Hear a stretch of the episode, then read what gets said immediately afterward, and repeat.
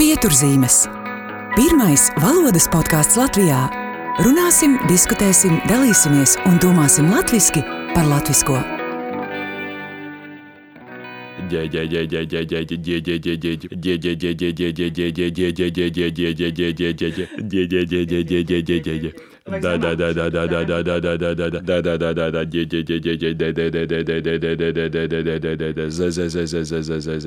latviešu. Tev ir brēkoks? Nu, ko sveiks, Oskar! Nu, čau! Beidzot. Čau, beidzot! Un labdien, klausītāji! Mans vārds ir Aiga Veckalna un ļoti, ļoti priecājos ar tevi tikties pieturzīmju sarunā. Paldies, ka klausies, atbalsti, dalies pārdomās un iesaki citiem. Šajā raidījumā, kā jau nojauta, tiekos ar publiskās runas, runas prasmi, prezentēšanas prasmi un lietišķās komunikācijas treneri, arī pasākumu vadītāju Oskaru Priedi. Oskars pabijis arī televīzijas tiešraidē, vadot rīta raidījumu 900 sekundes. Paralēli konferenču, semināru un diskusiju vadīšanai, kā arī runas kursu organizēšanai, Oskars vada viedā tekstilu uzņēmumu Eho Technologies, kā arī kopā ar Kristapu Petersonu veido internetu mēdīju platformu Diena pēc. Un īpaši dubultrieks man šodien, jo atkal tiekamies studijā Mute, kur pie skaņu pults ir Kristaps. Izbaudiet sarunu un skaņu. Oskar, paldies, ka piekriti aprunāties, un paldies par šo vingrinājumu. Saki, kā tu nonāci ar, cik es saprotu, ar izglītību inženierzinātnēs un mm -hmm. maģistra grādu biznesa vadībā? Mm -hmm. Kā tu nonāci pie publiskās runas, pie valodas?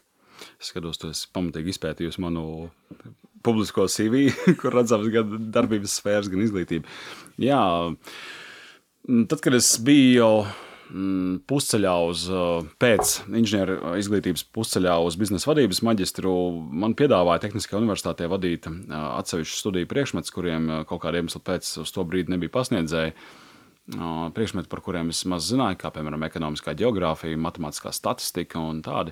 Bet man izglītība man to ļāva darīt, un es teicu, jā, nezinot, uz ko es parakstos, bet man šķita, labs, kā minimums, labs ieraksts CV, Tehniskā universitāte, lektora status. Ja.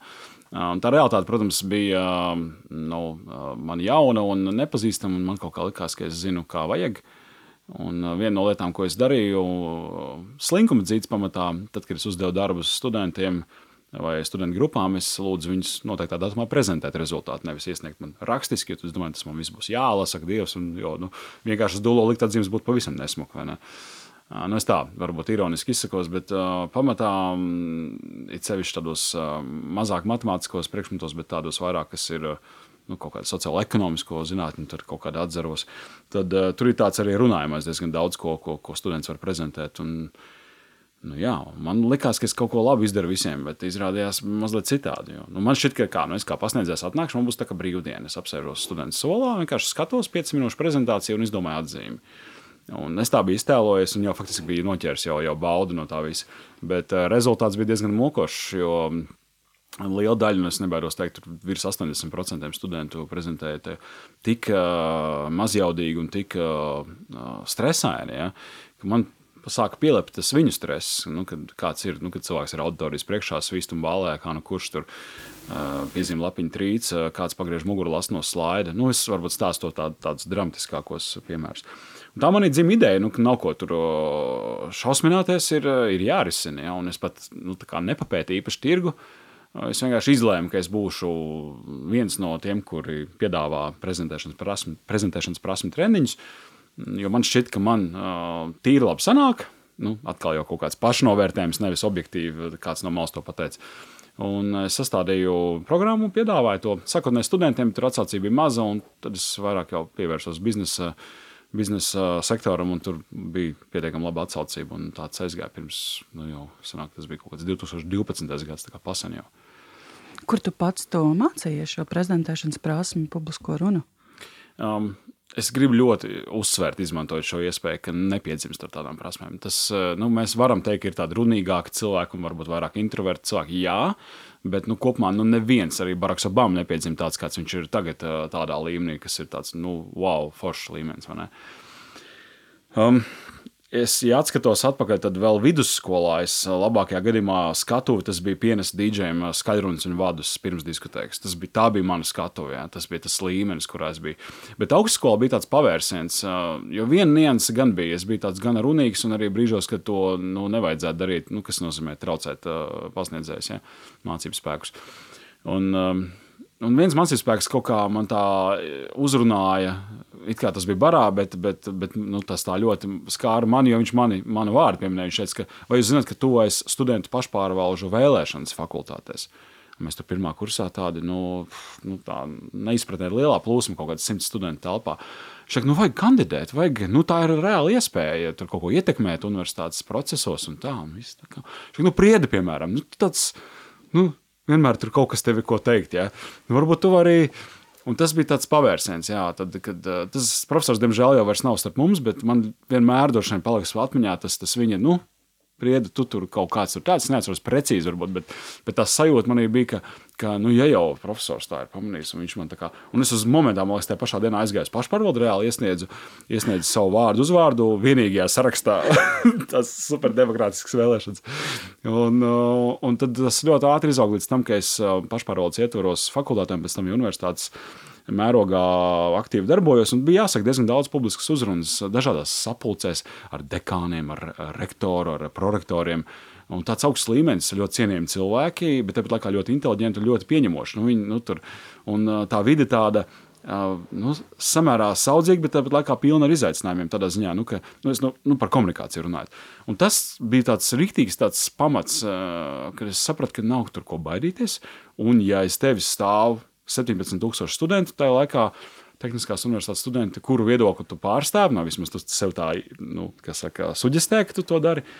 Un tad vienkārši jāvar. Un, un, un, ja tas ir ar tādu lielu regularitāti, teiksim, katru nedēļu vai pat divas reizes nedēļā, tas ir daudz ja, no tāda treniņa viedokļa. Un pēc, pēcāk jau darbojoties ar studentiem kā mācību spēkam, es sapratu, ka es ļoti daudz kaut kādas tādas nu, no gūtās pieredzes lietas varu izmantot arī esot auditorijas priekšā. Uh, Un, kā, pamat, pamatā tā ir pašmācība, bet nu, tā, dzīve piespēlē iespējas li, nu, apjomīgam treniņam. Vai tu atklāsi, kas bija tās pasniedzējs? Juris Zemels tas bija. Nu, kā jau minēju, viņš vairs nav, nav, nav mūsu, mūsu rindās, bet jā, viņš. Es tagad domāju, kas tas bija par mācību priekšmetu, ko viņš pasniedz. Tas bija vai no elektro elektroķēdes kaut kādas vai elektrotehniskie pamati vai kaut kas tur ar elektrību saistīts. Jā. Ar vaistrāvām, precīzāk sakot. Redz dzīve. Tas jaušības, vai ne, kas mūs nu, noved kaut kur. Jaušības ir tāds vārds? Jā, mēs. Zinu, ir nejaušības. Ir nejaušības. Zana Eniņa no Mugursoma LV, kur arī uzrakstīja grāmatu Nekaunīgais pingvīns, tad Jā. viņa arī plaši ieviesa šo jaušību Nu, labs. man ir tā grāmata, ap man uzdāvināja vienā, vienā pasākumā, un es, um, es nolicu kā lasīšanas kārtībā. Jā. Vēl nav izlasīta. Vai tā arī bija jaušība vai nejaušība, ka tu nonāci pasākumu vadīšanas jomā? Tā bija likumsakarība, es teiktu. Tas tam bija jānotiek, jo es vadīju runas kursus. Uz to brīdi jau apmēram divus, divus ap pus gadus, kad nu, atkal mana alma mater Tehniskās universitātes viena no vadošām uh, amatpersonām, kas man labi pazina no pašpārvaldes laikiem, teica, hei, es zinu, ka tu dari to un to, un tev vispār tur sanāk, uh, mums te viena konferencija, tā neliela, bet starptautiski, varbūt tu vari novadīt to angļu valodu labi. Un es atkal, nu, kas saka, bez domas, vai es varu, es teicu, jā. Un tad sāk man, wow, wow, wow. Kā, kā to dara vispār? Jā. Kā to vispār dara, jā. Nu, tas tā kā Ričards Brensons arī savās grāmatās raksta, vienkārši tu, tu saki, jā, un tad pēc tam izšakos, kā tu to izdarīs.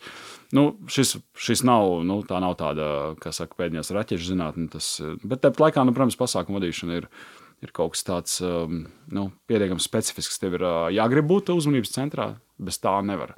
Tā kā jābūt mazliet narcisam, nu, ar uzsvaru varbūt uz vārdu mazliet, lai, mm -hmm. lai tas nav pārāk uzbāzīgi. Un uh, ir jābūt ātram domātājam, jo ir uh, faktiski nemitīga improvizācija. Tajā brīdī, kad tu esi skatuves, kad tu piesaki runātājs, kad tu jautā viņam jautājumus, kad tu reaģē uz skatuves reakcijām un tā tālāk. Vienalga vai tiešsaistē vai, vai klātienē. Un tas kaut kā izrietēja automātiski no tā, ko es daru. Un, uh, un pēcāk jau es sapratu, ka Tagad es pasākumus vadu jau, nu, jau kaut kādus septiņus gadus, un man, man, mana specializācija ir lietišķie pasākumi. Es nevadu kāzas. Kaut gan vienas esmu vadījis labam draugam, bet uh, pamatā nē. pamatā tie ir lietušķie pasākumi, konferences, semināri, diskusijas, intervijas. Un, tā. un es esmu sapratis jau pēc tam, kad es sapratu, ka mm, ka tas ir atkal treniņu poligons man, ko es pēc tam varu, nu, to, ko es iemācos pats. Un, un, un ja es eksperimentēju un redzu, nostrādā, ok, es šo pārceļu uz kursiem un stāstu cilvēkiem, kad jūs esat prezentācijā, jums gadās tur tā un tā, jūs varat iziet tā un tā no tās situācijas. Un tas iet tādā lieliskā sazobē kopā, kopumā, un, un, un es sapratu, ka man tā pasākuma vadīšana ir, ir kaut kas tāds nu, tāda sirdslieta, riktīgi, nu, riktīgi patīk īstenībā. Ja man būtu jāizvēlas, es ceru, ka tas tā nebūs jādara, bet ja būtu jāizvēlas starp uh, prezentēšanas prasmju, kursu pasniegšanu vai pasākumu vadīšanu, es teiktu, pasākumu vadīšanu, jā. ja tur viss ir pa īstam. Interesanti, tur viss ir pa īstam. Klau, um, vai tu atceries? Tu atceries, tu savu pirmo atcerējies, bet vai tu atceries, un droši vien atceries, jo jautājums ir par tavu neaizmirstamāko pasākumu vadīšanas pieredzi. Tad ļoti, ļoti īpaša. Hmm. Jā, es tagad atceros, nu, ir bijuši dažādi kāzus un starpgadījumi, bet uh, tas bija Jūrmalā, vienā smalkā viesnīcā pie jūras. Es pieņemu, ka tā ir Baltic Beach Hotel, bet es precīzi tos nosaukumus nekad neatceros. Un ir uh, konferenču zālīte, uh, bet bez logiem. Protams. Jā, jā. Jo, tu, ne, tur bija arī daļas, kas bija tajā, tur bija tāda milzīga vitrāža ar skatu uz jūru, un tur bija arī kaut kādas tur, pusdienas vai kas, bet, bet pat, pat konferences bija zālē bez logiem.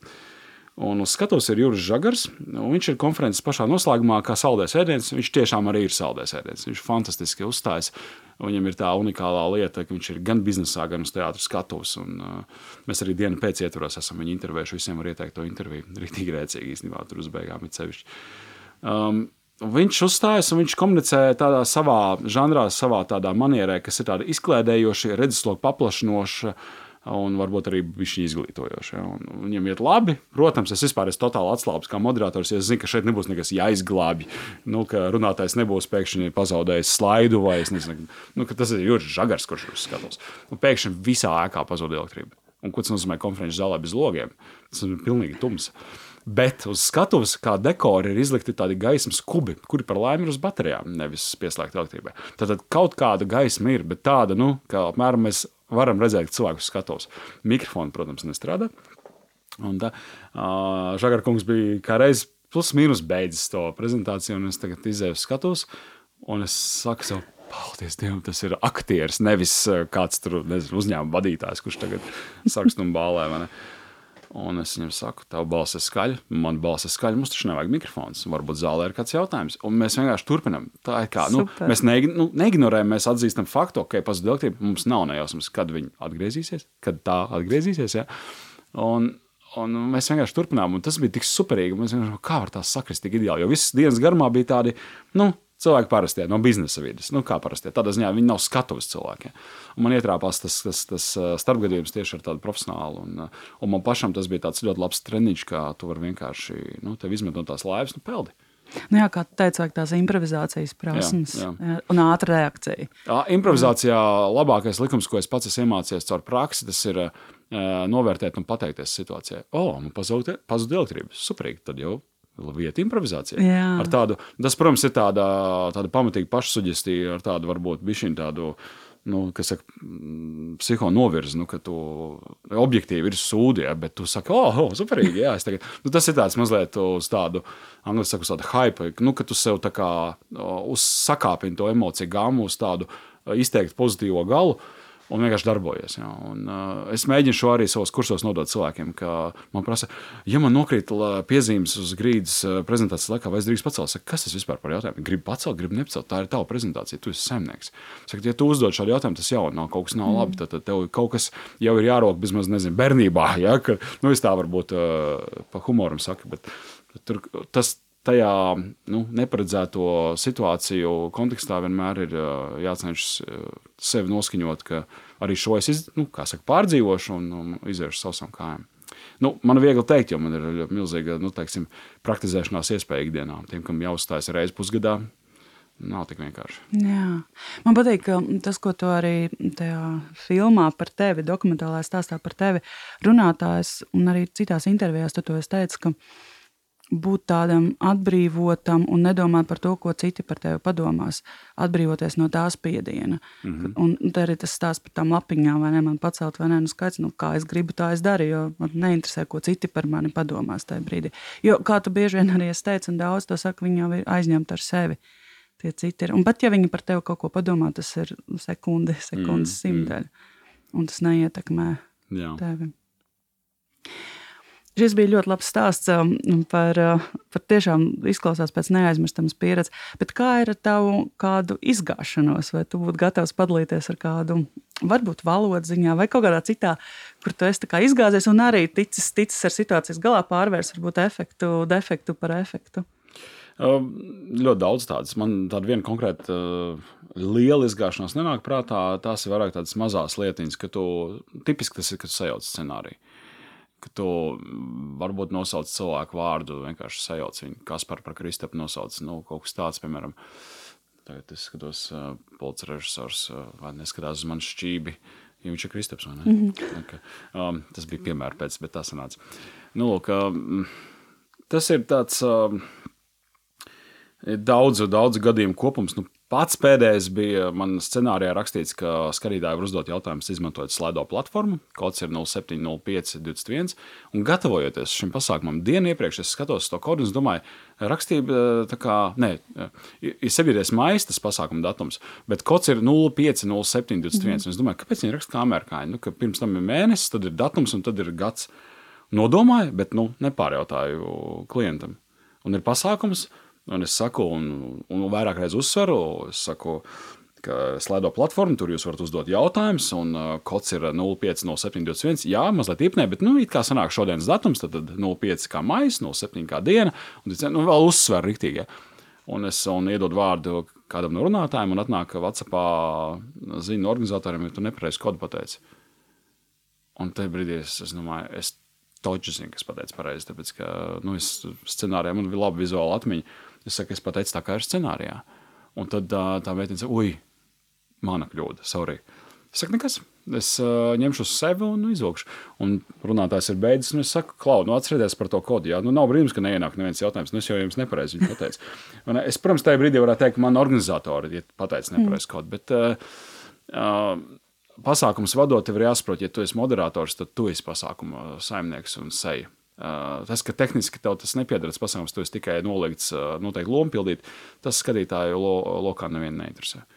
Tu esi tas, kurš pateica, tu esi tas, kurš pateica nepareizi. Un, un es ļoti, man pat patīk ņemt uz sevi kaut kādas nepilnības un tehniskas ķibeles un nianses, tāpēc, ka tad es varu nodarboties ar pašironiju, kas ir absolūti drošākais humora paveids, ko vispār var darīt uz skatuves. Jo, ja tu iesmēji par sevi, tu nevienu nevar aizskart. Tieši tā. Nu, jā, man šķiet, ka nevar.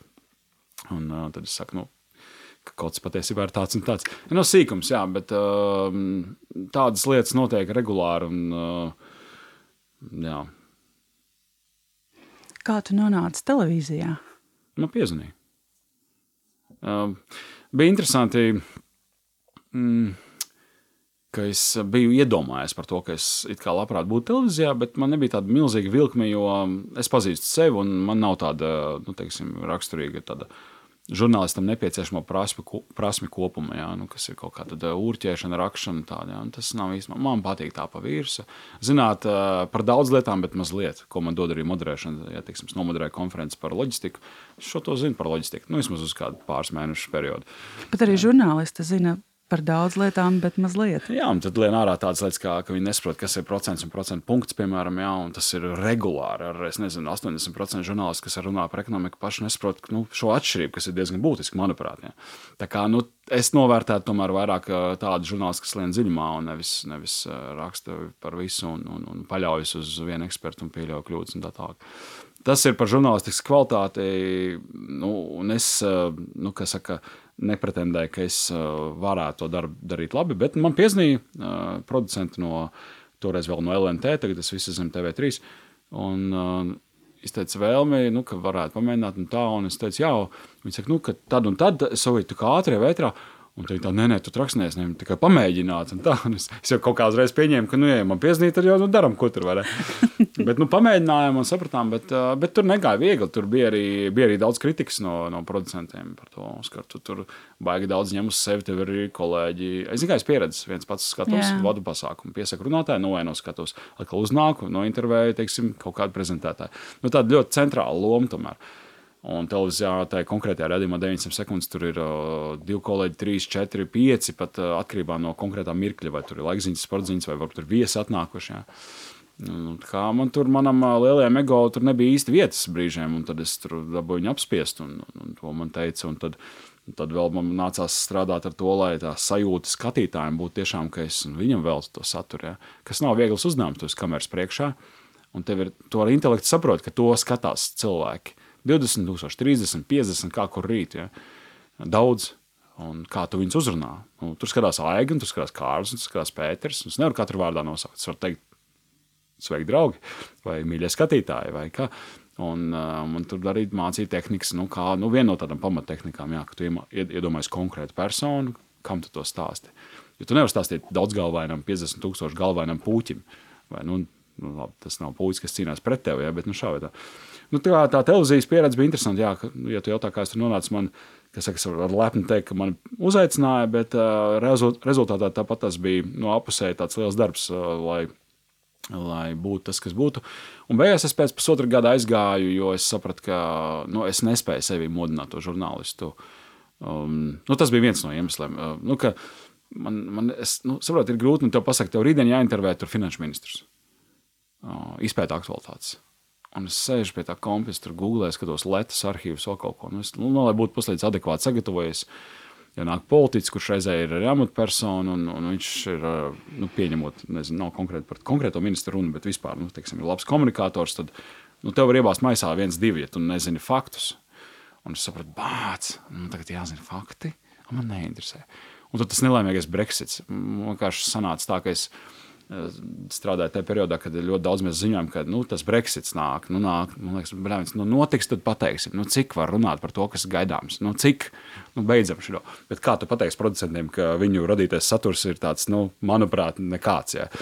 Kā es teicu, klausies tur, Viljānos, rīktīgi foršs startups tur. Tādas lietas uztaisīšu. Nu, kāpēc mums nav sižeta par to, kāpēc mēs runājam, ka Brexits kaut kad būs? Uh, skatās, man tā jocīgi, saprotu, labi, šo nevajadzēja teikt. nu, tā. Nu, tad tu izēji ēterā, un tu ar smaidu sejā saki labrīt. Un, uh, Brexit. šodien Bri Britu parlaments lēma to un to. Nē, tā kā tas tāds šo biznesa, arī televīzija šo biznesa, protams. Ko tu iemācījies pa to laiku, pa to pusotru gadu? Nu, viens ir tas, kā, kā radīt šo saikni labāku, izmantojot tehnoloģijas, kas tagad ļoti nodara. Toreiz es to nezināju, bet, nu, kā mēs zinām, tagad Covid pandēmijas dēļ mēs ārkārtīgi daudz komunicējam tieši saistē ar cilvēkiem. Un, un, ja mēs skatāmies acīs, tas nozīmē, ka tehniski mēs skatāmies kameras objektīvā, un tas ļoti daudziem nav viegli. Man tas ir absolūti tā kā. Nu, Gan arī tas pats, kā runāt ar cilvēku. Es vienkārši ideālā gadījumā man ir viņš tajā zumā vai tīmzā vai kurā nu, platformā. Es paskatos uz viņu to nu, kubiciņu, kurā viņš ir. Jā. Iegūmēju, skatos kamerā, vizualizēju šo seju, ko es tikko redzēju, vai seju kopumu, ja tur ir vairāk cilvēku, un runāju ar viņiem. Vai reizēm, ja man tas nestrādā, tad es paņemu kādu savu foršu čomu, kurš man ir ļoti lojāls, atbalstošs. Viņš ir mans fans. Viņš, viņš māja galvu, viņš piekrīt visam, ko es saku. Viņš saka, Oskar, tā turpināt. Tā ir iztēle, jā, ar ko es strādāju. Un, un to es lielā mērā esmu nu, tā, ne tikai uzzinājis, strādājot televīzijā, bet arī noticējis, ka tas tiešām strādā. Un, un tad, tad es to izmantoju un arī trenēju cilvēkus tā, tā, tādā veidā, organizēt savu komunikāciju, kur ir tehnoloģijas starp cilvēkiem nostādīts. Jā, kas vispār to es tev vēlējos pajautāt, kas vispār ir mainījies publiskajā runā? Šajā pandēmijas laikā, kam ir jāpievērš tagad lielāka uzmanība, kam varbūt mazāka mm. uzmanība? Mm. Es tā aroganti teiktu, nekas nav mainījies jau pāris tūkstošus gadus. Ja es lasu Cicerona apcerējumus par ideālo oratoru, kas ir diezgan grūti lasām vēl. Tāda, nezinu, varbūt tāpēc, ka tā senā valoda kaut kāda citāda bija. Un, un tā, es lasīju tulkojumu uz angļu valodu. Tad viņš runā precīzi par, tāšām, par tām pašām problēmām, par kurām nu, šodien runā tādi mani amata brāļi vai, vai komunikācijas teorijas cilvēki. Ja, un, nu, nu, kas ietekmē cilvēku, kas viņu paņem viņu uzmanību, kā noturēt viņu uzmanību. Tas, kas nācis klāt, ir tehnoloģijas. Jā, nu, un tās tehnoloģijas mums lielā mērā izglāba, jo pandēmija nozīmēja, un joprojām lielā mērā nozīmē izolēšanos. Un, Attiecīgi, tehnoloģija teica, nu, neteica, bet teiksim, tā ļāva mums nu, turpināt komunicēt diezgan intensīvi, vai pat vēl intensīvāk kā pirms tam. Uh, Nu, lūk, bet es teiktu, ja tu esi kaut kādā, nu, tagad zūms ir kļuvis tāpat kā vārds džips un pamperi. Ja? Tas ir tāds nomēns pampers, neatkarīgi no tā, kas ir ražojis autiņbiksītes. Tad zūms ar to saprotot, jebkuru veidu kaut kādu video, video zvana tipa saziņu. Es teiktu, būtu jāuztver. Tas, protams, nav tā, bet būtu jāuztver kā rāģiņš. Vai kā šāds raidieraksts, kur mums ir tikai balss, tad, cilvēks mūs klausās šobrīd Spotify vai, vai citā platformā. Ir tikai un vienīgi balss komponenti, nu, protams, saturs. Jā, bez satura jau nekur. Uh, Un, uh, es teiktu, video zvanā ir jāpieiet tam procesam apmēram tā. Tas nozīmē, ka balss komponentē ir jābūt ļoti labai.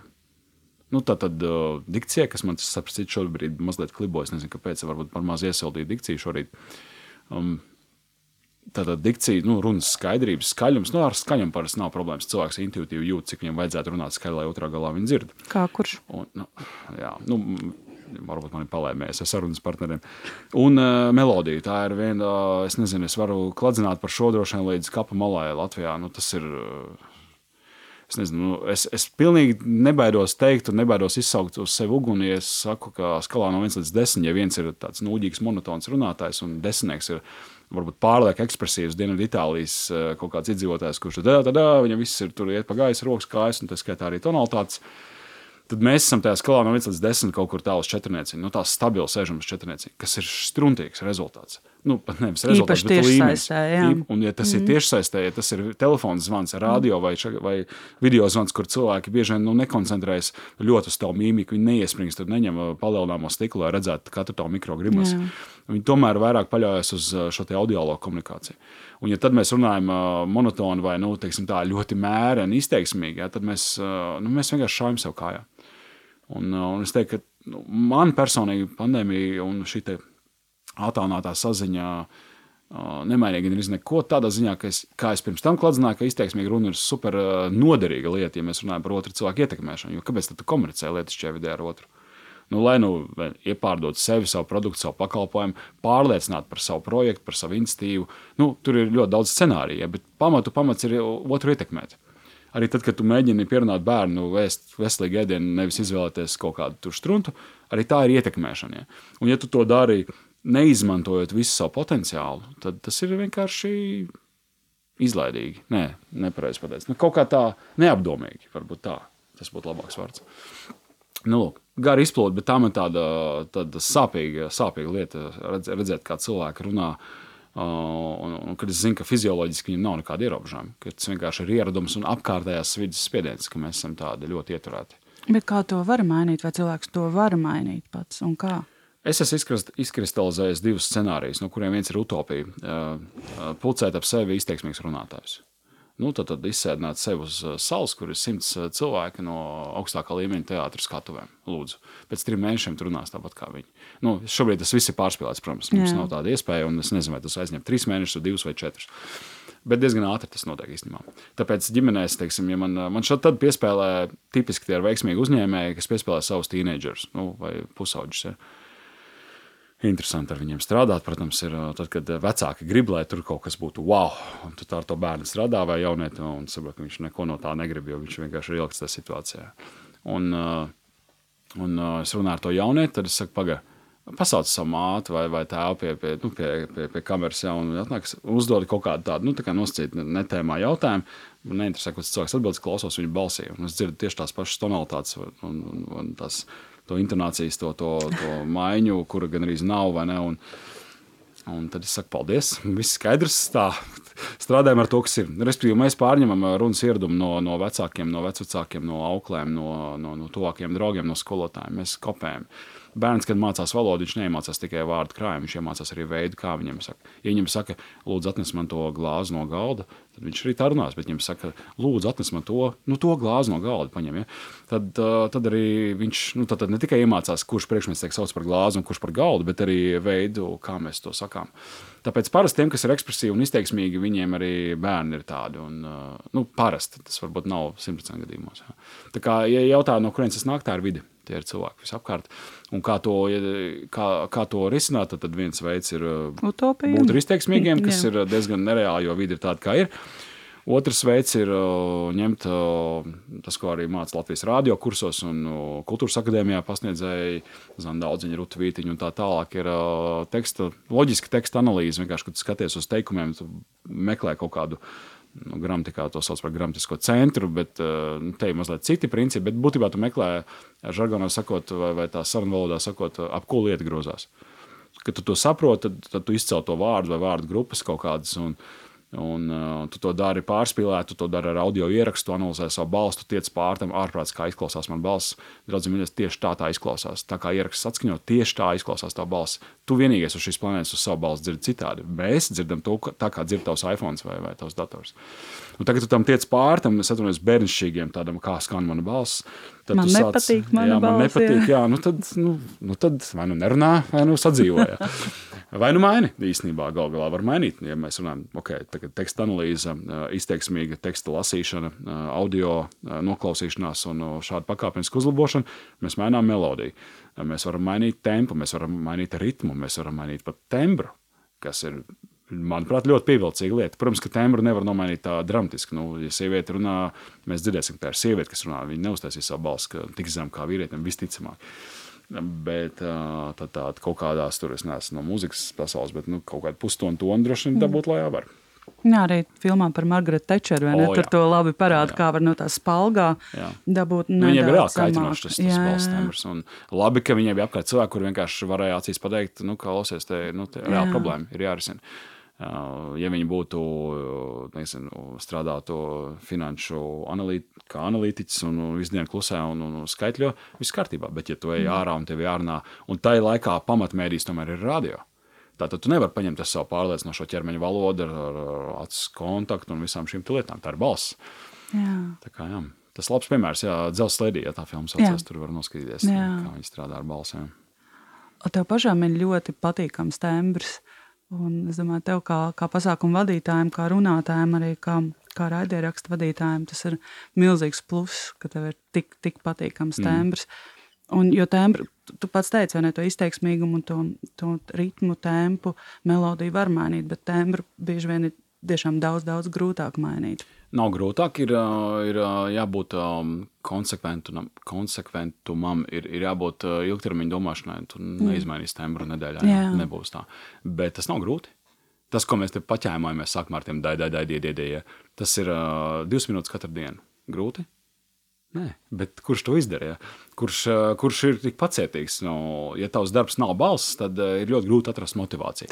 Savukārt, ja tavs darbs ir balss, nu, un, un tev kāds ir teicis, draugs, mīļās, mēs nevaram izturēt tavu, tavu spalgo toni, tad droši vien tev būs ļoti liela motivācija to, ko, to darīt. Jā.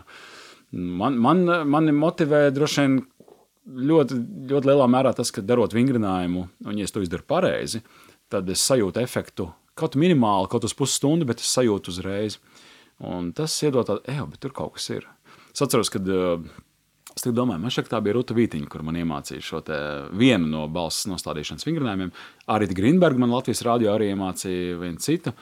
Un es atceros, ka Rutas Vītiņas doto vingrinājumu, un tieši sakrit, ka es biju pie viņas nodarbībā, un tad es braucu ar bērniem atpūsties pie jūras, tur uz nedēļu vienkārši vienu kaut kādu māju noierējām. Un, um, es katru rītu, kamēr bērni vēl guļ, gāju pie jūras, Vismaz tā kā seno grieķu leģendās, ja pret jūru runāt, ja, lai to. Gan jūra nebija bangojoša un skaļa, bet uh, man patīk tas komfortabli, bet tas, ka neviens man nedzird, jo, zini, kad kaut ko trenēs, kaut ko jaunu balsī, nu, liekas, nu, kāds izklausīsies un tā. Un uh, man aizgāja nu, gandrīz visa nedēļa, kamēr es beidzot uzķēru to, ko viņi man teica, ka pie noteiktām skaņām tam mugurkaulam, uh, turot nu, pirkstus pie mugurkaula, ir jāievibrējas. Un es nezinu, kā man te pasaka, to ar prātu saprotu, bet nesanāk. Un tad jau baigā ātri gribās to plintu mest krūmos.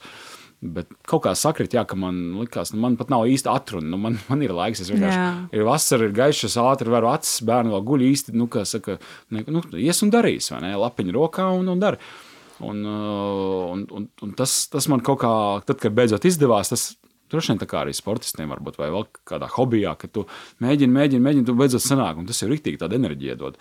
Un, un tad, kad sanāk savukārt, tad es varu, principā, jebkurā dienas laikā izdarīt to vingrinājumu pareizi un uh, super efektīvi. Tad, tad nedarīt, piemēram, to 20 minūtes, bet tikai 2. Ja, un ir efekts tas pats, vai pat vēl labāks, jo tu dari pareizi. Nu, līdzīgi kā sportā, droši vien, kaut kāda muskuļu grupas trenēt, ja tu dari nepareizi to vingrinājumu, tur visu dienu var elst, un pūst. Pieturzīmes piedāvā arī vērtīgas valodas lekcijas un konsultācijas, kas pilnveidos tava darba efektivitāti un uzņēmuma tēlu. Pastāst vēl, kā tu gatavojies, kā tu vingrinies. Nu, piemēram, iedomāsimies, ka nāk tagad pasākums, kas ir, kas ir tava rutīna ierastā. Balsts tembra vingrinājums, lai tā balss skanētu man tā kā skan tagad šodien. Dikcijas vingrinājumi, kas, nu, es mazliet nohalturēju šodien braucu ar mocu un ķiverē. Ne visas lietas var izdarīt, kā, piemēram, vīna korķa vingrinājums. Mums tie korķi, mēs varam patrenēties šobrīd. Jā, patronējamies. Es starp citu tieši tavā ied, iedvesmu, tevis iedvesmota sāk arī to, jo skatījos tavu video Facebook par vīna korķi, pieliksim arī saiti. Man liekas, tik brīnišķīgi. Skaidrs, Jā. ka tas jau ir iepriekš bijis zināms, vingrinājums, tas bet tu to nav mans, jā. Latvijā, nu tiešām tu to ieviesi, at, atgādināji par to un, un daudz iedvesmo to Jā. pamēģinām. Jā, pastāst, kā tad ir pareizi un kāpēc tas ir vajadzīgs. Jā. Šobrīd es esmu ielicis korķi apmēram līdz pusē starp zobiem, garām virzienā. Jūs jau jūtat, ka es nevaru precīzi izrunāt visas skaņas, piemēram, būtu R radiators. Nu, īsti nesnāk pateikt, vai ne? Bet šeit mērķis ir runāt nevis ātri, bet tieši precīzi, lai būtu uh, tas treniņš muskuļiem un saitēm, kas šeit uh, artikulācijas aparātā varbūt ir kaut kur aizsnaudusies un uh, ir slinki. Jo daudz cilvēki uh, dikcijas ziņā izsakās nepārāk precīzi, tāpēc, ka viņi slinko ar mutes atvēršanu un runā diezgan cieši sakostiem zobiem. Savukārt ir šādi pamingro minūtes 3-5, kas īstenībā ir daudz. Tas nu, reāli grūti ir. Ja nav ko teikt, tad var lasīt tekstu, nu, bet tiešām bez steigas Jā. un koncentrēties uz to, ka, ja man ir kāds klausītos, viņš saprast, ko es saku. Parasti gan mēs to darīsim droši vien vienatnē, bet ja kāds būtu telpā, tad, uh, tad viņš ma- vai viņa man saprastu. Un tā ir tā doma šim vingrinājumam. Un atkal jauks vingrinājums, jo pēc trīs minūšu darba tu izņem ārā to korķi, kaut ko pasaki un jūti, o, kā tie vārdi skan tagad, cik precīzi nāk. Pats ļoti labi dzird to atšķirību. Ka šis ir viens no tādiem. Piemēram, ja es eh, tipiski es pārvietojos, braucot eh, pasākumu vadīt ar mašīnu, eh, tad es to daru mašīnā. Vienkārši tā ir tāda vide, kur ir nu, privāta un noslēgta un arī teiksim, tā, ne īpaši liederīga. Jā. Nu, nu, labi, tu vari kaut ko klausīties, tur ir liederīgi. Bet nu, tā, tad es saku, o, šis ir piemērots brīdis trenēties. Un, uh, un ir kaut kādi testi, ir tie pantiņi, sarežģītie kaut kādi šaušliešu dzelzceļi un ezīšu puskažociņi. Jā. Un kaut kādi tādi, kas tev ir grūti. Un tad tu patestēji, tu vari pateikt precīzi, gan ātri, teiksim, visneiedomājamākā komunikabilitāte un rezultatīvitāte brokeru kantoros. Redz, tagad varu pateikt bez kļūdām, ļoti ātrā tempā. Es sev saku, ok, zaļā gaisma, tu vari kāpt skatos, jo ir diezgan labi. Bet, ja es nokļūdos tieši izrunas ziņā, tad es saku, ah, nu, te ir jāstrādā, te kaut kas nav. Tad es vai nu daru to pašu, runāju to pašu pantiņu, bet nu, lēnākā tempā un pareizi. Un tad pātrinu tempu, vai nu es paņemu vīnu korķi un pātrinu to, to, to muskuļu un saišu iesildīšanu. Tā, tā ir tāda rutīna, jā, tie pantiņi noder ļoti labi. Un, uh, it sevišķi, ja tu to dari tādā kaut kur pārvietojoties, uh, kur tu nevari lasīt, tad nu, tie ir jāzina no galvas. Bet tas jau nav tik grūti. Man ļoti patīk tāds, uh, to var viegli arī iztēloties, ieklausīties. Um, šis šaušliešu dzelzceļš tumsā šķiet tukšs, tumšs, drūms. Ja? Ja tu vari iedomāties, ka šis šaušliešu dzelzceļš Jā. tumsā šķiet tukšs, tumšs, drūms, nu tā jau ir, vai ne?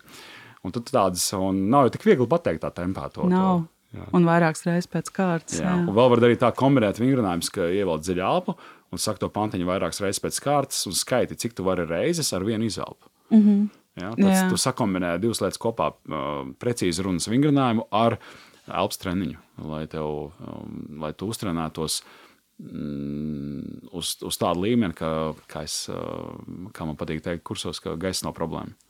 Jā. Jo pie uztraukuma bieži vien gaisa ir problēma. Tā ir. Ja mēs elpojam ļoti, ļoti sakli. Jā, vai, Parasti cilvēki vai- uztraukuma pārēl pārunā. Jā. Viņi sarauj gaisu iekšā, bet viņi nelaiž viņu ārā. jā. Nu, brīnišķīgā Laura Čaupala, runas pedagoģa, viņa man savulaik iemācīja arī šo viens elpas vingrinājumu, kur tu saki vienu skaitli, Mhm. Un tu sāc, ka tas ir viens cipars skaitlis, piemēram, 2, tad 22, tad 222, tad 2222. Mm. Un vienā elpā, cik tālu tu vari aiziet, līdz cik miljoniem, miljardiem tu vari aiziet. Šis arī ļoti, ļoti labs, un es to izmantoju savulaik mm, ārvalstu studentiem, ja varbūt viņiem nu, tie mēlis meži vēl nav, nav tik viegli iemācāmi. Bet tad viņi saprot, jo tā ir skaitlis, skaits. Viņi pierādījis mācās skaitļus tādā jā, veidā. Jā. Tas arī ļoti labs. Arī tieši tajā elpā, vienā elpā. Jā, to, to kontrolēt. Kā tu gatavojies um, pierakstu ziņā? Vai tev ir, um, nezinu, tu skaties telefonā, vai tu iemācies visu no galvas, vai tev ir izdruka par rokai? Nu, atkarīgs no formāta, jā. Tieši tas te baigā ērti īstenībā. Tu arī ir kamera, tu vari kaut kur kamerai tuvu nolikt piezīmes, ekrānā uzbīdīt kaut kur tuvāk kamerai vai fiziski. Man patīk arī kameru atdalīt no datora un uh, likt acu augstumā. Uh, ja dators stāv kaut kur citur, tad es noteikti likšu piezīmes papīra veidā, piekabināšu kādu knaģi vienkārši ļoti, ļoti tuvu kamerai. Un parūpēšos par to, lai piezīmēs ir tikai atslēgvārdi, nevis kaut kādi gari teikumi. Bet nu, atkal tik, varbūt tur ir gari amatnosaukumi, tur, tur finanšu ministrijas, tur fiskālās disciplīnas departamenta, finanšu uzraudzības nodaļas pienākumu izpildītāji, tur vietnieks, tur tāds un tāds. Nu, crazy. Tur nevar iemācīties tādu lietu. Un, uh, nē, nu var, bet nevajag. Smadzeņu piesārņošana. Tas man būs rakstīts uz lapiņas, un to es nolasīšu droši vien. Jā. Uh, kā es vēl gatavojos, man patīk uh, tāda telpiskā metode. Es neesmu ļoti daudz to praktizējis, bet es gribētu izstāstīt, lai cilvēki piefiksē. Tev ir kaut kādas satura porcijas, piemēram, četras. Nu, ievadā pieminēs, ka mums ir noteikti problēma, ka jūlijā ir krities apgrozījums uzņēmumā. Tas ir tāpēc, ka jūnijā mēs nebijām pietiekami efektīvi savā pārdošanas aktivitāšu ziņā. Un tā ir problēma. Tad risinājums būtu kaut kāds lēmums, kas šodien jāpieņem, ir tāds un tāds, un beigās ir kaut kāda uzslava kolektīvam. Tad ir četras porcijas tavā uzrunā sapulcē. Un es šeit apzināti lietoju tādu gan saprotamu un triviālu piemēru, kā, kā varbūt kaut kāda ikdienas uh, biznesa vai, vai kaut kādu organizatorisko jautājumu risināšanu. Jo lielās skatuves ir reti kuram patiesībā. Bet tās mazās skatuves, kas ir kaut vai sapulces kolektīvā, ir, ir ikdiena. Un, ja es gribētu to runāt normāli no sevis, bet tāpat laikā man ir bažas, kas varētu kaut ko aizmirst, es varu ielikt to tās informācijas porcijas telpā. Savā telpā, kuras pārzinu ļoti labi, kurā es varu arī naktas vidū, melnākajā tumsā atrast labierīcības vai virtuvi vai vienalga ko. Ja. Un, un ir kaut kāds rituāls, kad tu atnāc mājā, tu tad, tad novelc apavus, varbūt virsjaku, tas droši vien ir kaut kāds koridors vai veitvers, kas kuram. Ne? Tad tālāk, nu, ja sevišķi tagad populāri, iet nomazgāt rokas. Ja? Nu, tad, tad visticamāk, ej, vai nu tā ir vannas istaba, vai, vai toalete, vai es nezinu, kur tu to dari, vai virtuve. Ja, un, bet ir, tas ir kaut kas tavs, kur tu to dari. Tad, tad tur jau būs tā pirmā, kur novilka apavs, tur ir pirmā informācijas porcija, tā, tā, tā problēma par to jūliju apgrozījumu.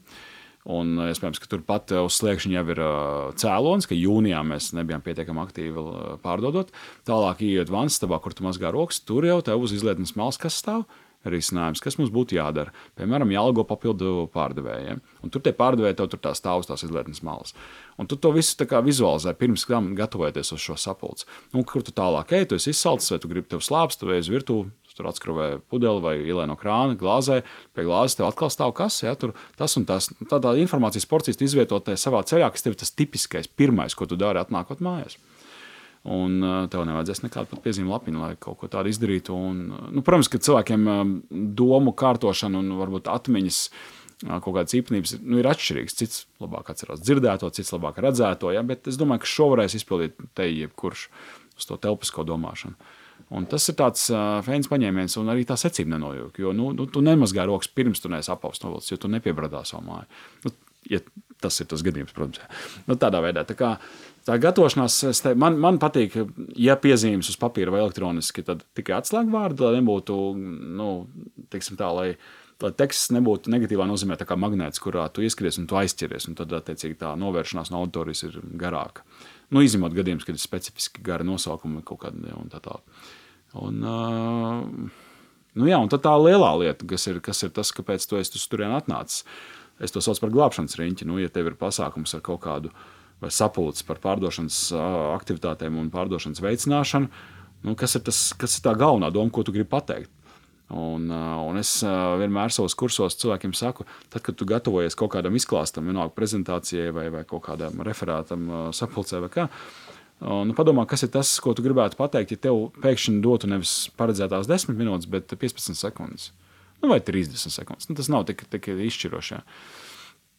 Man bija stāsts Kristaps Petersons, mans diena pēc partneris. Viņš stāstīja, es precīzi neatceros tos ciprus, bet man šķiet, ka viņam bija tāda situācija, ka Situācija bija, bet es neesmu precīzi to minūšu skaitu, bet tā doma bija tāda, ka viņš atnāks pasākumā, kurā viņam ir jāuzstājas. Pasākumā kaut kas tur ir ievilcis, viss ir ievilkuši. Nu, viss, tā, viss tas grafiks ir jau aizslīdējis jau pāri visiem rāmjiem. Bet nu, viņam tā kā vārds tiek dots, vai, vai pareizāk sakot, pirms tam viņam pienāk un pasaka, Lusņām, Kristap, nu, mēs ļoti atvainojamies. Vai nu, jums bija paredzēts 25 minūtes, vai jūs varētu 25 minūšu vietā 5 minūtēs pateikt visu galveno domu? Ja, viņš saka, nu, priecīgs viņš nav, protams, viņš saka, varēšu. Ja? Un man šķiet, tā ir laba, laba pieeja, ja? Ka, jo, ja tu nevari, reti, ka tev kā tā būs tāda situācija, bet tev ir jābūt gatavam uz kaut ko tādu. Orens Klafs grāmatā Pitch Anything piemin šo te arī. Tur Amerikas vide investīcija piesaista viņam visu tā, tā, tā grāmatu, tādu, nu, es lasīju, likās, ir cita pasaule, tad amerikāņi viņi traki. Visi tie cipari, kas tur grozās, visas tā komunikācijas, tās likmes, kas tur ir, tas ir nu, kosmos. Ja? Bet, nu, interesanti. Viņš saka, nu, tu ieej pie uzņēmēja, kurš tur ir tāds nu, pirksti gaisā, nu, tāds ļoti, ļoti turīgs, ļoti nu, tāds dēs, dēs, dēs. Ja. Un nu, te var viņi normāli tikšanās tur kaut kādā 30 minūšu garumā. Un, un viņš ielaiž tajā savā, savos, kā saka, ierakumos pie savā smal, smalkajā tajā birojā. Viņš saka, klausies, te bija piemirsts, man jālido tur un tur. Tev ir divas minūtes. Un Varens Klafs viņš saka, ok, man vajadzēs tikai vienu. Un, un, saprot, un, un viņš grib viņu tā kā nu, masīvi, vienkārši ļoti aroganti nolikt pie vietas, un viņš neļaujas. Viņš pasaka, man nevajag divas, man pietiks ar vienu. Viņš saka, un kā likums eh, cilvēki pat vēl ilgāk par pusstundu nosēž. Tāpēc tā ir vienkārši pārbauda. Un viņš tajā vienā minūtē pasakā to galveno domu, kā nopičo, ja, mm. un, un izmet to makšķeru. Un tas čels uzķerās. Viņš saka, labi, es īstenībā es biju sajūta, man tā ļoti vēlāk. Es varu nu, parunāt vēl, ja labi biznesa iespēja. Nu, protams, ka nevienmēr tas iznākums būs tāds. Varbūt cilvēks tiešām piecelsies pēc divām minūtēm un aizies. Ja? Bet uh, pajautā sev pirms prezentācijas, ja tev tā garītos, vai tu varētu tajās divās minūtēs, 30 minūšu vietā. Es domāju, akadēmiskās vidas cilvēks tev pateikt, traksies, tas nav iespējams. Nu, nu, nē, nē, es nu, kā, nu, man taču ir 40 slaidi, es gatavojos, nevaru tā. Nu, nav nekas pret akadēmiķiem, bet nu, parasti tur tajā vidē cilvēki ir mazāk elastīgi tieši uz šo. Ja. Biznesa vidē mēs gan teorētiski, gan arī tīri praktiski varam saprast, ka tā varētu gadīties. Un, uh, tad es teiktu, ka labam prezentētājam būtu jābūt gatavam. Un to var gatavošanās stadijā izdarīt. Mēs gatavojamies nu, nosacīt uz ļaunāko scenāriju, ka man nu, nogriež no, no 30 uz 2. Tā. Tas ir tāds uh, labs paņēmiens, ko, ko noteikti var paņemt ceļu somā šodien. Jā, šis ir ļoti labs. Man arī tas ļoti noderēs. Kā tu analizē sevi, vai tu analizē sevi pēc kaut kāda ieraksta, pēc kaut kāda pasākuma? Un, ja jā, tad kā tu to dari? Es uh, diezgan bieži, man draugi arī zina to manu varbūt īpatnību. Nu, tā nav īpatnība, bet man patīk diezgan daudz sūtīt balss ziņas. Un lielāko daļu balss ziņas, kuras es nosūtu, es to uztveru tā, ka nu, tas ir aizgājis. Nu, atpakaļ. nu, labi, var izdzēst tur, jā, bet nu, okay, tas ir aizgājis, tad, tad tas ir izdarīts. Bet es noklausos pats savu balsi. Un nevis tāpēc, ka man patīk tur tiksmināties par savu balsi, kā tā skan, bet es gribu dzirdēt, sevišķi, ja ir runa par kaut kādu, varbūt mazu, mazu strīdiņu, vēl kaut ko. Es gribu dzirdēt, ka tur manā balsī izskan tas emocionālais fons un tā noskaņa tāda, kā es biju paredzējis. Nu, lai cilvēkam, piemēram, izteikt kritiku, bet neaizvainot viņu. Tad tekstu ir nu, jābūt uzmanīgam. Nu, Es domāju, man tev tas nav jāstāsta, ja, cik teksts ir tava nu, lieta, ko tu arī pasniedz cilvēkiem. Nu, bet, nu, teksts var būt ļoti pārprasts. Savukārt, balss, e, ja tu tiešām gribi ielikt to emocionālo noskaņu tādu, nu, kādu tu gribētu, lai tā būtu, nu, tas ir drošāks ceļš savā ziņā. Uh, Bet tas prasa kaut kādu zināmu meistarību. Un meistarība rodas tad, ja tu mēri un, un, un, un sevi uzlabo. Un tad tā mērīšana varētu būt tāda, ka tu noklausies savu balsi un, un jautā sev, vai, vai, vai izdevās, vai, vai manā balsī var dzirdēt. Protams, ka tas nebūs objektīvs skats, jo tas tomēr ir tava balss. Ja, tu, tu īsti nevari līdz galam objektīvi. Bet tas ir tāds labs treniņš. Tā, tā ir tāda maza lieta, ko es daru ļoti bieži. Nu, tad, eh, tad, ja kaut kas ir nofilmēts, tad es mēdzu paskatīties, bet, godīgi sakot, tas materiāls ir tik daudz, nu, kaut vai diena pēc mums kopskaitā jau ir kaut kādas 180 epizodes. Ne visās es esmu, bet diezgan daudzās. Nu, es, es pat neesmu pats visus redzējis. Jo, nu, es tur esmu bijis, es to cilvēku nointervējis, nevienmēr skatos otrreiz to visu. Um, bet, nu, protams, tiem, kuriem tas darbs nav tāds, un uh, tas ir krietni retāk, tad es ieteiktu pārvarēt atkal to mūsumu un uh, noskatīties un saprast, kas ir tās nianses. Un, un, ja gribas kaut ko mainīt, piemēram, ķermeņa valodā, kaut kādā tādās nu, nezinu, mīmikās, vēl kaut kur, kas ir tās uh, sarežģītās lietas, tad, uh, tad, ja to dara, tad darīt pakāpeniski, nu, ka, tā, ka tās pārmaiņas noteikti nu, tā. Um, Nu, mēs nesakām, oh, šis ir galīgi garām, jādara pilnīgi citādi. Nu, tas tā nestrādās. Visticamāk. Un arī, kad es skatos sevi, nu, atbildot uz tavu jautājumu, kā, kā es, vai es, vai es mēru savu sniegumu un kaut ko, tad es, ja arī ieraugu kaut ko, tad vienmēr sev atgādinu, ka pat ja tu gribi pārmaiņas, viņas būs ļoti, ļoti pakāpeniskas. Gan par balsi, gan par ķermeņa valodu, arī par saturu, par valodas lietojumu un tādām lietām. Ko tu esi mainījis valodas lietojumā, vai, vai balsī, vai mīmikā? Mm -hmm. nu, jā, tad uh, par ķermeņa valodu. Es pieturos pie tā principa, ka emocionālais fons, emocionālā emocija gama vada tavu ķermeņa valodu pamat, pamatos. Un tāpēc es vairāk strādāju tādā loģiskā domu līmenī, uh, lai inicijētu pēc iespējas labākas, foršākas emocijas. Nu, kaut vai tas absurdums, ka kaut kas totāli noiet greizi, un saka, wow, super, vieta improvizācijai. Nu, tas tomēr maina emocionālo gamu, vai ne? Uh, Un, eh, un tas savukārt ietekmē to, ko, ko rāda mans ķermenis un mans mīmīgs. Es neesmu tik naivs, un, uh, lai uzskatītu sevi par tik labu aktieru, ka pie sūdīgām emocijām rādīt zāru kaut ko super pārliecinošu. Nu, nebūs. Visticamāk. Tāpēc um, pie ķermeņa valodas ļoti minimāli. Nu, kaut kādas varbūt. Es esmu piedomājis, man patīk, ka es izlasīju grāmatā tā klasika Alans un Barbara Pīzija par ķermeņa valodu. Uh, ka tur, kad žestikulē cilvēks, tad, ja viņš to dara ar, ar izvērstiem pirkstiem, nu, tad kā pil, nu, pirksti katrs uz savu pusi, un tad kā skaidrs, ka tā ir agresīva žestikulēšana, varbūt ne pārāk inteliģenti iespēja atstāja. Bet, savukārt, ja tu žestikulē ar tādu, nu, kā saka, pilnu plaukstu, bet pirksti visi četri, nu, īkšķi, protams, ka nē, bet, bet pārējie četri kopā, uh, Tad, attiecīgi, ja tu žestikulē tādā veidā, tas atstāja tādu nu, mazāk agresīvu iespēju. Nu, tā. Es izlasīju, noticēju, man, man šķita laba doma, un sāku to trenēt. Un, un, es skatos, joprojām video ierakstos, nav tik vienkārši, ka kaut kur lien ārā kaut kas. Pat ja man tas, nu, saka, noskaņojums tajā brīdī, un tas temats nav absolūti nekāds, nu, kas tur mēģina putām uz lūpām kaut kādu cilvēku pārliecināt. Nu, nē, vienkārši kaut kāds ieradums. Ja. Bet tagad tā arī es piedomāju, tagad žestikulēju pirkstiņas muka kopā. Ja. Tā kā tādas mazas lietiņas es mēģinu vai nu izravēt, vai nu mainīt. Vai tā, par ķermeņa valodu. Par balsi, nu, skaidrs, jā, tad balss tembrs, lai būtu mm. stabils nostādīts, un uh, arī elpa, lai pietiktu, kas nozīmē regulāru elpošanas vingrinājumu. Dikcija ir man lielā lieta, man gribētos pašam labāku dikciju, bet es uh, droši vien nepietiekami daudz strādāju ar to, bet arī strādāju. Savukārt par valodas lietojumu es cenšos pieturēties pie literārās valodas.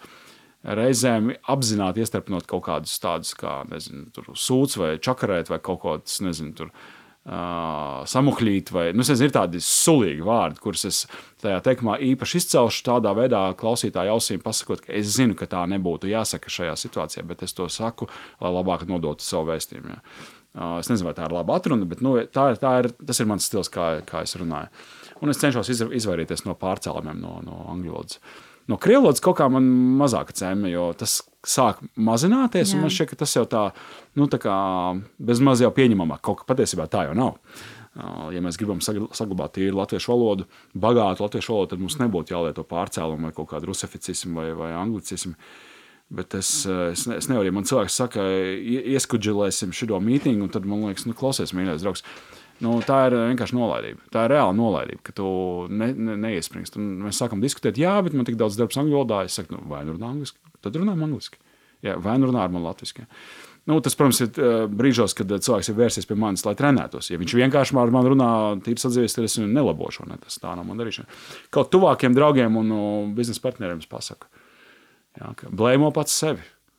Nu, kas, vārds, kas vainas vārdam vainot? Kāpēc jāsaka blēmo? Ja? Nu, Un tas šķiet pilnīgi, nu, nu, pilnīgi tā, ka man pumpas uzmetās. Es nesaprotu, kāpēc tā ir jārunā. Un es uzskatu, ka cilvēks rāda, nu, kas saka, nu, vāju sniegumu, ja viņš tā dara. Un neiespringstot un, un aizbildinoties. Tipiskais aizbildinājums man ļoti daudz jāstrādā angliski. Yeah. Jā, es, es lasu grāmatas tikai angliski. Es saku, es arī. Jo latviešu valodā tiešām ir maz labu grāmatu. Nu, tāda profesionāla literatūra, kas būtu par tavu jomu. Tā, tā nu, nav daudz. Manā jomā nu, latviešu nu, ir dažas grāmatas iztolkotas, bet dažas. Uh, Nu, bet, nu, un tas, ir, tas ir tas, ko es cenšos. Un, un es nesaku, es esmu bez grēka. Tāpat nāk ārā kaut kāda brīnuma. Un es šķiet, pateicu šodien kreizī, un pēc tam nodomāju, kāpēc man tā bija jāsaka. Bet nu, es pateicu, un bija droši vien vēl kaut kāds desmit, mēs varētu salikt šajā stundas ietvarā. Ja? Tā kā nav jau tā, ka man nav tāda kļūda, bet es pie tā domāju, lai nebūtu. Un uh, viens no labiem tādiem veidiem, kā piedomāt, ir labot pašam sevi balsī. Nu, ja konteksts un situācija atļaus, skatos, es to nedarītu, bet tā sadzīves, kas palabotu. Piemēram, es saku, ka man, man bija cita expectācija, nu, ja Latvijas sakot, gaidas, un es palaboju pats sevi. Jo tādā veidā vienreiz, otrreiz, trešreiz un piektajā reizē visticamāk jau pateikšu gaidas. Un reizēm es saku vārdus, gai, vārdu gaidas arī no skatuves, un es zinu, ka viņš ir tāds mazliet īpatnējs, tas vārds, vai tāds varbūt tā kā vecišķis mazliet, ja? un es saku gaidas, nu, jau angliski sakot, expectācijas. es tā kā otrādi paņemu to latvisko vispirms, tad paskaidroju, kā saka angliski. Tā kā, nu, pievērš tam uzmanību, jo es zinu, ka tas skan klišejiski, bet uh, nav jau varianti. Mēs esam tie, kas nesam mūsu valodu tālāk. Nu, nu, vienkārši nebūs jau neviens cits, ne kaut kāda enzelīna tagad neatnāks, ne, nesavedīs kārtībā. Un pat ja atnāks, viņi jau nav, nevar tavā vietā runāt. Mēs jau runājam, mēs jau esam tie, kas lieto valodu, mēs arī to ietekmējam. Jā. Tā ir. Un par, par to milzīgs prieks. Tas jau kopš mūsu pirmās tikšanās, kad mēs runājam par latviešu valodu, es pamanīju un jūtu to, cik, cik, tev, cik ļoti tev tā rūp un, un cik ļoti tu vēlēsies runāt gan pareizi, gan arī domājot par kaut kādām valodas odziņām, savu, savu valodas mm. stilu. Tas, tas tiešām ir ļoti, ļoti apsveicami. Man vēl gribētu pajautāt par dienu pēc. Jā, šodien mēs dienu pēc pieminējām vairākas reizes, un droši vien mūsu klausītājiem diena pēc arī nav, nav sveša. Gan, gan varbūt klausītājs ir skatījies vai klausījies. Es pati regulāri klausos. Saka, kā, kā radās? Kāpēc Kristaps? Kāpēc jūs sākāt ar Kristapu veidot? Kā radās? Jā, Uh, vadot runas kursus, vienā brīdī skatos pie pieteikumiem, parādās Kristaps Petersons. Un uh, kaut kāda bija tā kā aizdoma. Es nebiju personiski ar viņu pazīstams, šķiet, nebija man šķiet. Jā.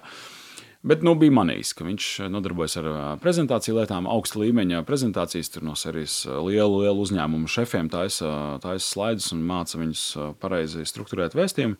Un viņš ir pieteicies maniem kursiem. Un pirmais jautājums, kāpēc? Nu, tieši, tieši ko es viņam varēšu iedot. Bet, nu, labi, nu, pieskās, pieskās, samaksā dalības naudu, nu, viss kārtībā, klients.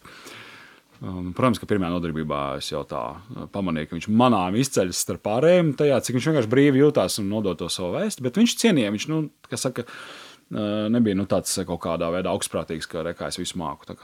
viņš nesāka tavā vietā mācīt Nu, Nē, pārējos. nē, ja? nē, nē. Bet be- beidzamajā nodarbībā, kad, kad tas viss beidzās, viņš jau viņš teica, nu, zini, es atnācu vienkārši izpētīt. Nu, kā, nu, negluži spiegot, bet viņš, viņš, es gribēju saprast, vai tas, ko tu sludini, sakrīt ar to, ko es sludinu. Mm -hmm. Un izskatās, ka sakrīt, man ir doma taisam kaut ko kopā. Tā, kā, tā bija simtprocentīgi Kristapa iniciatīva. Uh, un es teiktu, man pārsteidz, cik tieši un varbūt uh, mūsu mentalitātē netipiski. Nu, tā, nu, es nezinu, es nevaru spriest par visu nāciju, bet man šķiet, tas tā nu, nebieži notiek, ka tā cilvēks atnāk ar tādu ļoti lielu atvērtību. Saka, man likās, ka mēs varam kaut ko darīt kopā, ja, ko es pārbaudīju, un tagad man, tie- man joprojām tā šķiet. Ja. Un, uh, un tad mēs uzstiprinājām to domu, ka mēs taisīsim raidierakstu, nu, podkāstu. Mēs to sauc, sākumā tā arī saucām, un daudz arī saņēmām kritiku, kas tas podkāsts tāds ir vai ne. Kas tie par podiem, ko jūs tur darāt. Bet kaut kāda iemesla pēc uh, mēs uzreiz nolēmām, ka tas jau no pirmās epizodes, ka tas būs arī video režīmā. Nu, laikam ar to domu, ka mēs esam tādi, uh, it sevišķi, droši vien, ka vairāk man tas ir, ka es esmu diezgan bieži uz tām skatuvēm, vadot pasākumus. Un, nu, kaut kā mums ir jāvar. Nu, no serijas, ja ne mēs, tad nu, kurš tad varēs? To, nu, tas tā atkal varbūt augstprātīgi mazliet. Bet, Nu, bet Kristapam jau arī televīzijas pieredze. Precīzi, jā, pie kam cik gadus. Jā, un, un, un, un tā arī bija, ka mēs no pirmās dienas, kā nosēdāmies tajos melnajos krēslos, Baltijā studijā, tā arī nevienu reizi neesam jutušies kaut kā īpatnēji jocīgi, vai ka kaut kas būtu jāpārfilmē. Mēs nevienu epizodi nekad neesam pārfilmējuši. No 180 epizodēm nekas nav, gandrīz nekas nav montēts. Ir iz, izgriezta ārā daži brīži, kad, piemēram, operators pēkšņi ienāk kadrā. Es tā nesaprotu, ka viņš ienāk kadrā. Un viņš pielabo mikrofonu. Es saku, kas notika? Uh, Viešņai uh, auskari tik gari, ka sitās pret mikrofonu un nu, rīktīgi strauji. Viņš saka, nu, nu nevar šādi. Protams, ka mēs to izgriežam ārā. Jā. Bet tās ir tādas atsevišķas lietas, un mēs varam, vienmēr arī dienu pēc viesiem sakām, ka, ka mēs neko nemontējam, neko negriežam ārā. Ir daži izņēmumi, bet, tiešām ļoti reti. Nu, lūk, tā tā tas sākās, mēs izdomājām nosaukumu, ka tādu, mēs tā paņēmām tādu ambiciozu mērķi, ka pienāks tāda diena Latvijā, kad visi būs tā uztrenējušies komunicēt, ka mēs ne tikai darām labi, jo Latvijā dara labi, efektīvi, forši dara, bet ka mēs arī, protams, to pasniegt tādā ļoti labā līmenī. Nu, tādā, nu, varbūt amerikāņu līmenī, varbūt pat labāk. Jā. Um, es nezinu, vai amerikāņi ir etalons, bet nu, uz pārdošanas es domāju, ka viņi ir jaudīgi kopumā. Es domāju, kā, kā, kā nācija un viņa maniera, kā viņi to darīja. Uh, un mēs tā pateicām, ka pienāks tā diena, ka mēs, mēs un mūsu nozares brāļi un māsas būs uh, pievērsuši tam gan lielu uzmanību, un cilvēki būs motivēti. Protams, ka tā ir utopija, un mēs katru individu Latvijā neaizsniegsim ar savu vēstījumu, bet tas ir tas, tas virsmērķis. Mēs sakām, tātad pēc tās dienas vai dienā pēc, um, mēs vienkārši aiziesim jau citā, citā līmenī kā, kā, kā valsts. Un tā, ar tādu misiju mēs arī ražojam to saturu. Vienā brīdī arī sapratām, ka nu, pietrūkst jau par, par lietišķo komunikāciju, divu tā, par ko runāties. Un tad sākām diezgan ātri jau patiesībā sākām aicināt viesus, kas kaut ko vai nu paši ir sasnieguši šajā jomā, vai varbūt trenē citus, kā piemēram Krista Vāvera, Vēstures Mekšāns un tā tālāk. Vai, piemēram, kā Dāvis Plotnieks, kurš organizē TEDx Rīga. Un, nu, un ļoti daudz aktieri, valsts prezidents mums ir bijis. Nu, daudz cilvēku, kas, kas ir vai nu skatos, vai nu tuvu tai, vai nu vienkārši ar savu piemēru un darbiem nu, teiksim, tuvina mūs tam, tam, tam, ka mēs tajā dienā pēc būsim jaudīgāki kā nācija tieši komunikācijā. Nu, lūk, bet arī, arī tas mazliet uh, pārtapa tādā, ka, ok, Kristaps ar Oskaru joprojām runā par komunikāciju, Kristaps vairāk tādā varbūt mediju. Tādā gaismā tagad sācis domāt, bet mēs sākām piesaistīt vēl citus autorus, kas runā par citiem svarīgiem intelektu attīstībai būtiskiem tematiem, kā kā veselība, kā, kā drošība, kā finanšu pratība. Un tāpēc mums tagad ir mazliet tāds, nu, kā saka, dažiem klausītājiem arī apjukums, jo ieslēdz dienu pēc, un tur nav ne Kristapta noskata, kaut kāds cits čels vai meitene runā. Un tā ir mazliet problēma, jo mēs kaut kā sapratām, ka nu, mēs, tas nav pietiekami labi nokomunicēts cilvēkiem. Un, nu, tagad mēs uh, strādājam, lai arī to risinātu. Bet, nu, jā, tā, tā radās diena pēc, un tā, tā attīstījās. Nu, jau ir vairāk nekā divi gadi, divi pusi jau tūlīt būs. Un, uh, un joprojām, ja mēs sākām ar uzstādēm, ka vismaz reizes nedēļā, tad uh, bija viens periods, kad mēs publicējām saturu trīs reizes nedēļā, kas ir ļoti daudz. Uh, tas prasa lielu resursu, pamatīgu plānošanu un nu, tādu nu, lielu ieguldīšanos. Jā. Kā jūs izvēlaties šos jaunos autorus? Nu, Latvijā visi visus zina. Tas ir tas, kam, kam es patiešām ticu. Mēs vienkārši paskatāmies, vai nu ir cilvēks, kuru nezina plaša sabiedrība, bet kuram ir foršs potenciāls un, attiecīgi, kurš ir varbūt motivētāks nekā zvaigznes ja, kaut ko darīt. Vai arī cilvēks ir ļoti jau savā jomā redzams, atpazīstams, vai arī kaut kas pa vidu, ka ir izteikti labs eksperts, pārzina jomu un zina daudzus, kurus mēs ar Kristapu nezinām. Piemēram, Edmunds, mums kolēģis, kurš par drošību vada epizodes, nu, viņa lokus ir pilnīgi cits. Bija šie policisti, kaut kādi miesas sargi, kaut kādi šādi militāristi. Tur tas, tur tas, tur tas. Viņš saka, oh, man tur tas, oh, man tur tas šefs pazīstams policijā vēl kaut kas. Stāv klausos, nu, ok, tas cits, pilnīgi cits burbulis. Un viņš tiek klāt tādiem cilvēkiem un dabūna sarunām tādus cilvēkus, kuri publiski vispār par savu darbu nerunā. Un mums epizodē vienkārši 80,000 skatījumu, tāpēc, ka Miesargs stāsta par, par to, kā viņš ir atšaudies no pirātiem kaut kādā tur Sudānā. Vai? Jā, to es arī klausījos. Nu, tā bija viena no pirmajām jā. par drošību, vai ne? Jā, jā. Un jā. Tad, tad nu, piemēram, Edmunds ir tāds cilvēks, jā, ka viņš, mm -hmm. okay, viņš nav varbūt plaši zināms, bet savā jomā viņš ir ar noteiktu statusu, ar noteiktiem kontaktiem. Vai, piemēram, veselības tematā Kaspars Mendels, kurš ir tāds autodidakts un nu, nu, maniakāls uz to, kā viņš, kā viņš patērē informāciju un kā viņš to apstrādā. Vienkārši fenomenāli. Klausās podkāsts, podkāsts veids pierakstus, publicē blogu par to, taisa seminārus un tā tālāk. Sistemātiski kā to informāciju. Pajautā viņam par veselības tematu, jebko viņš zinās vismaz virzienu, kurā jāskatās. Ja, un, uh, man ļoti liels prieks, ka viņš vada mums dienu pēc veselības rubriku, un tur ir uh, Nu, kā kur epizode, bet cits man šeit ir ārkārtīgi noderīgs, vai pat uh, es atļaušos teikt, dzīvi mainošs. Ja tu tiešām ieklausies tajā, ko cilvēks saka, nezinu, tur par miegu vai, vai, vai par nu, nu, daudzām lietām tur, tur bijis. Tā kā, jā, nu, tas ir tā, tāda misija, ko mēs pildām, un, un šobrīd mēs augam. Mums, mēs esam redzami internetā, YouTube, Facebook. Mēs esam redzami LMT vietā, televīzijā, un nu pat, nu pat uh, burtiski uh, drīzumā, burtiski šajās dienās, nedēļās, mēs sāksim uh, kaut kādu satura daļu publicēt arī TV4, kas ir virsmas aprādē, lai aizsniegtu visus, kam, kurus mēs neesam aizsnieguši caur internetu. Lieliski. Tā kā nu, tāds, jā, tāds uh, it kā kabatas projekts, bet nu pat jau skaties, septiņi, astoņi autori. Jā. Jau pastāvīgs cilvēks, kurš, kurš mums, protams, tur montē, nu ne montē, bet nu, teiksim, tā, krāsotās epizodes, liek titrus un tā tālāk, publicē visās platformās un jā, augam. Tā kā tiem, kam interesē nokļūt dienu pēc rakstiet rakstiet mums e-pastu. Kontakts var atrast mājaslapā diena pēc LV. Jā, ieliksim saiti noteikti. Jā. Un noslēgumā, sarunu noslēdzot, es labprāt pajautātu, kāda tad vēl ir, kāds tad vēl ir nākotnes ieceres, vai saistībā ar dienu pēc, vai būtu mm -hmm. kāds cits projekts, ko esi iesācis, kas tev ir padomā šovasar, šogad? Zini, kad, kad es uzsāku savu darbību kā prezentēšanas prasmu treneris, vienmēr radnieks prasīja, kāpēc, nu, kāpēc to dari un kur tu gribi nokļūt. Un, un kā tu zināsi, ka tu tur esi nokļuvis? Es teicu, ka es gribu būt uh, Latvijā. Uh, pirmais vārds, uzvārds, tad Osakas Spriedi, kurš, uh, nu, nevis pirmais, bet nu, sanāk, ka, ka tas vārds, kurš pirmais nāk prātā cilvēkiem, kad viņi domā par lietišķo komunikāciju, par prezentēšanu, par publisko runu. Un uh, teica, labi, nu, kāds zinās, ka tu tur esi nokļuvis. Es nu, jā, to grūti nomērīt, bet, nu, piemēram, es gribētu trenēt valsts prezidentu. Un, uh, tas bija, es neatceros, kurš gads, bet uh, Andris Bērziņš bija valsts prezidents. Un, uh, man nepiezvanīja no viņa biroja. Uh, bet man piezvanīja televīzija, viena no televīzijām, un, un prasīja viedokli par viņa 18. novembra uzrunu. Jā, jā tas bija pasaulē. Kaut kur bija tas komentārs jā, pieejams. Jā. Un man piezvanīja televīzija, pajautāja mm -hmm. viedokli par prezidenta uzrunu. Un es domāju, ok, vai tas nozīmē, ka es esmu tagad Latvijas mērogā pietiekami atzīts eksperts, nu, un es esmu sasniedzis to, ko es gribēju. Es domāju, nu nē, taču, protams, ka nē, jo tas ir, nu, es domāju, jebkurā profesionālajā nišā, kurā darbojas, nu, tu nevari būt.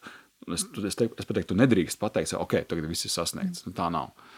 Jā. Un es patiesībā, kad Vējons bija prezidents, es Kristumam teicu, nu, beidzam gaidīt, ka mums piezvanīs un prasīs konsultantu prezidentu, uzprasamies paši. Es saku, zinu, ko izdarām, piedāvājam bez maksas, lai nebūtu visi tie iepirkumi, visi tā figņa, tur ir. Es saku, vienkārši Vējonī vajag palīdzību, normāls čels, ar viņu viss kārtībā. Bet nu, ir zināms nianses, ja, un par viņu iesmēju. Man, tas, man ir žēl, jo viņš pārstāv mani.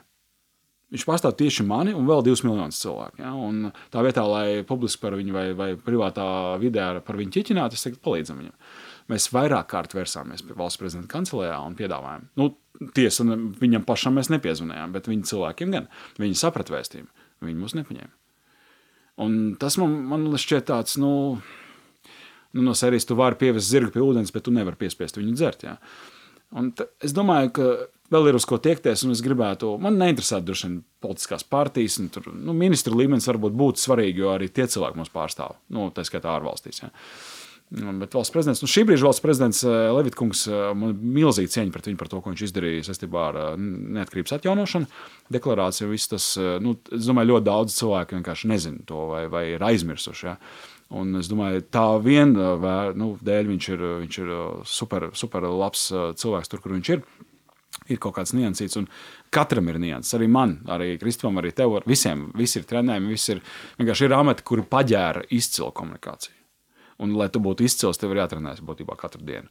Jā, vai tam ir laiks vai nē, nezinu. Uh, Um, klausoties Baraku Obamu, viņa, lasot viņa grāmatas un, un, un sakojot viņam, uh, viņš, viņš vienā brīdī, es atceros, kurā tas avots bija, bet viņš pats teica, ka viņam, viņam ir apmēram, kā prezidentam, bijušas vidēji, ah, tā bija filma, man šķiet, ka tā bija filma par viņu pirms pāris gadiem publicēta. Šķiet, ka viņam vidēji gadā bija 400, 400 publiskās runas. Tad vairāk nekā dienas gadā. Tad, tad vidēji viena, divas, trīs uh, uzrunas dienā. Ja? Un, uh, kas tas ir par treniņu? Un kā, un viņš sastīja, kā viņš tam gatavojas un kā viņš pārraksta runu rakstītāja runas. Tā, tā. tā kā atbildot uz tavu jautājumu, kur es eju, kur mēs varbūt arī kā dienu pēc ejam, mēs ejam uz to, lai tie cilvēki, kas ir mūsu elite, mūsu pārstāvji, nu, ne tikai politikā, arī biznesā patiesībā, lai viņi atrastu laiku nu, komunikācijas pilnveidēji. Un nu, vērstos vai nu pie mums, vai nu pie, pie, pie vēl cilvēkiem. Nu, viņi nav daudz Latvijā, kas mēs esam šajā jomā, bet ir, ir pie kā vērsties, resursi ir, no kuras smelt.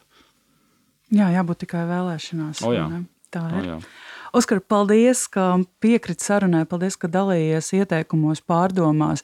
Man bija ļoti interesanti. Man jau ir padomā arī dažādas lietas, ko es gribētu ieviest savā darbā pēc noklausīšanās, ko tu stāsti. Paldies!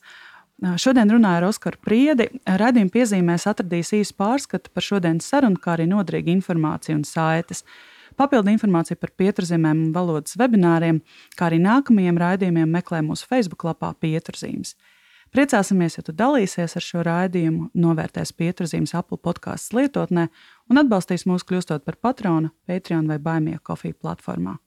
Iesaisties arī satura veidošanā, vai piesakies par viesi, uzrakstot mums vēstuli vai tērzējot Discord grupā. Mīļš, paldies mūsu regulārajiem patroniem! Paldies, ka klausījies un uz tikšanos nākamajās pieturzīmēs! Pieturzīmes cilvēkos, grāmatās un valodā. Kādas ir tavas Latvijas pieturzīmes?